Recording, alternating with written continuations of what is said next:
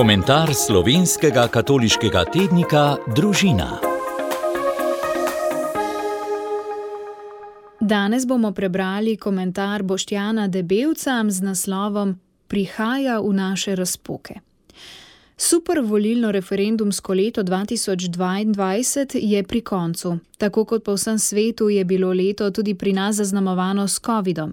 In ko je kazalo, da virus izgublja svojo smrtonosno moč, je na plan prišla človeška smrtonosnost - vojna v Ukrajini. Seštevek strahu in jeze ob epidemiji, negotovost vojne ter pregreta politična pomlad je prinesel zmes, skoraj bi lahko rekli, toksičnega, strupenega ozračja.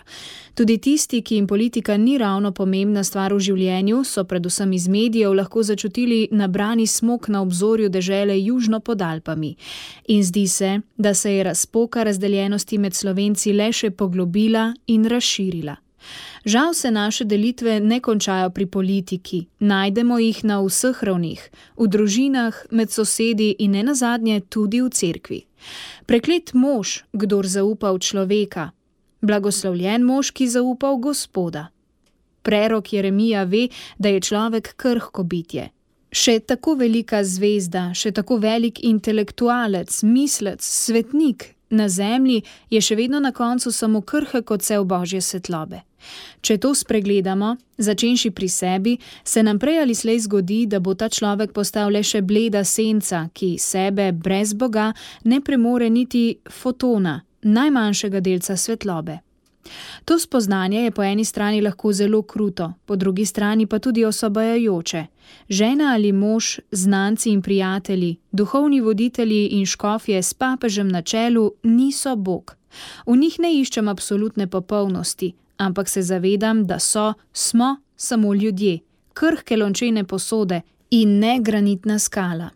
Po drugi strani pa se kristijani tudi zavedamo, da smo ustvarjeni po božji podobi, da je prav vsak človek božja stvar in zato tudi vreden vsega spoštovanja.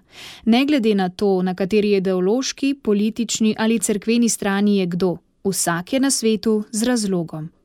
Kristus vsako leto prihaja v to našo stvarnost, Kot pravi Škof Saje v letošnji poslanici, nam Bog v sedanjem trenutku ponuja možnost, da ga prepoznamo, sprejmemo in okrepljeni z vero zaživimo na nov način, kot so storili pastiri v Betlehemu.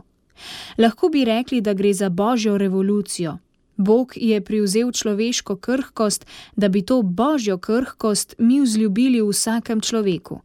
Prinesel nam je razkošno svobodo, da lahko izstopimo iz logike daj dam, zob za zob, žalitev za žalitev, cinizem za cinizem, norčevanje za norčevanje in pogledamo onega na drugi strani z očmi zavedanja človeške krhkosti in obenem veličine. Naj nam nobena epidemija, ideologija, politika ali vojna ne zoža pogleda do te mere, da bi na drugi strani videli le še sovražnika, ki ga je treba premagati, če ne celo uničiti. Sovražnik ni oni na drugi strani, ampak tisti vmes, ki se preobleče v obleke človeške resnice. Je tisti, ki izkorišča naše slabosti in nas čuva, toži proti bratu.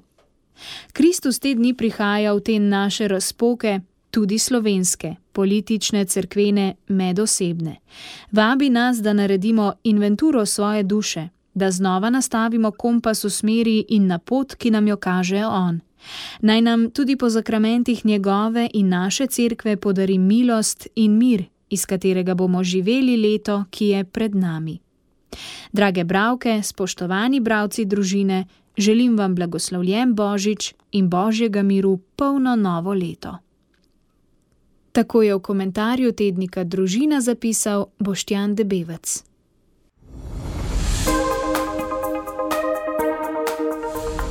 Komentar slovenskega katoliškega tednika Družina.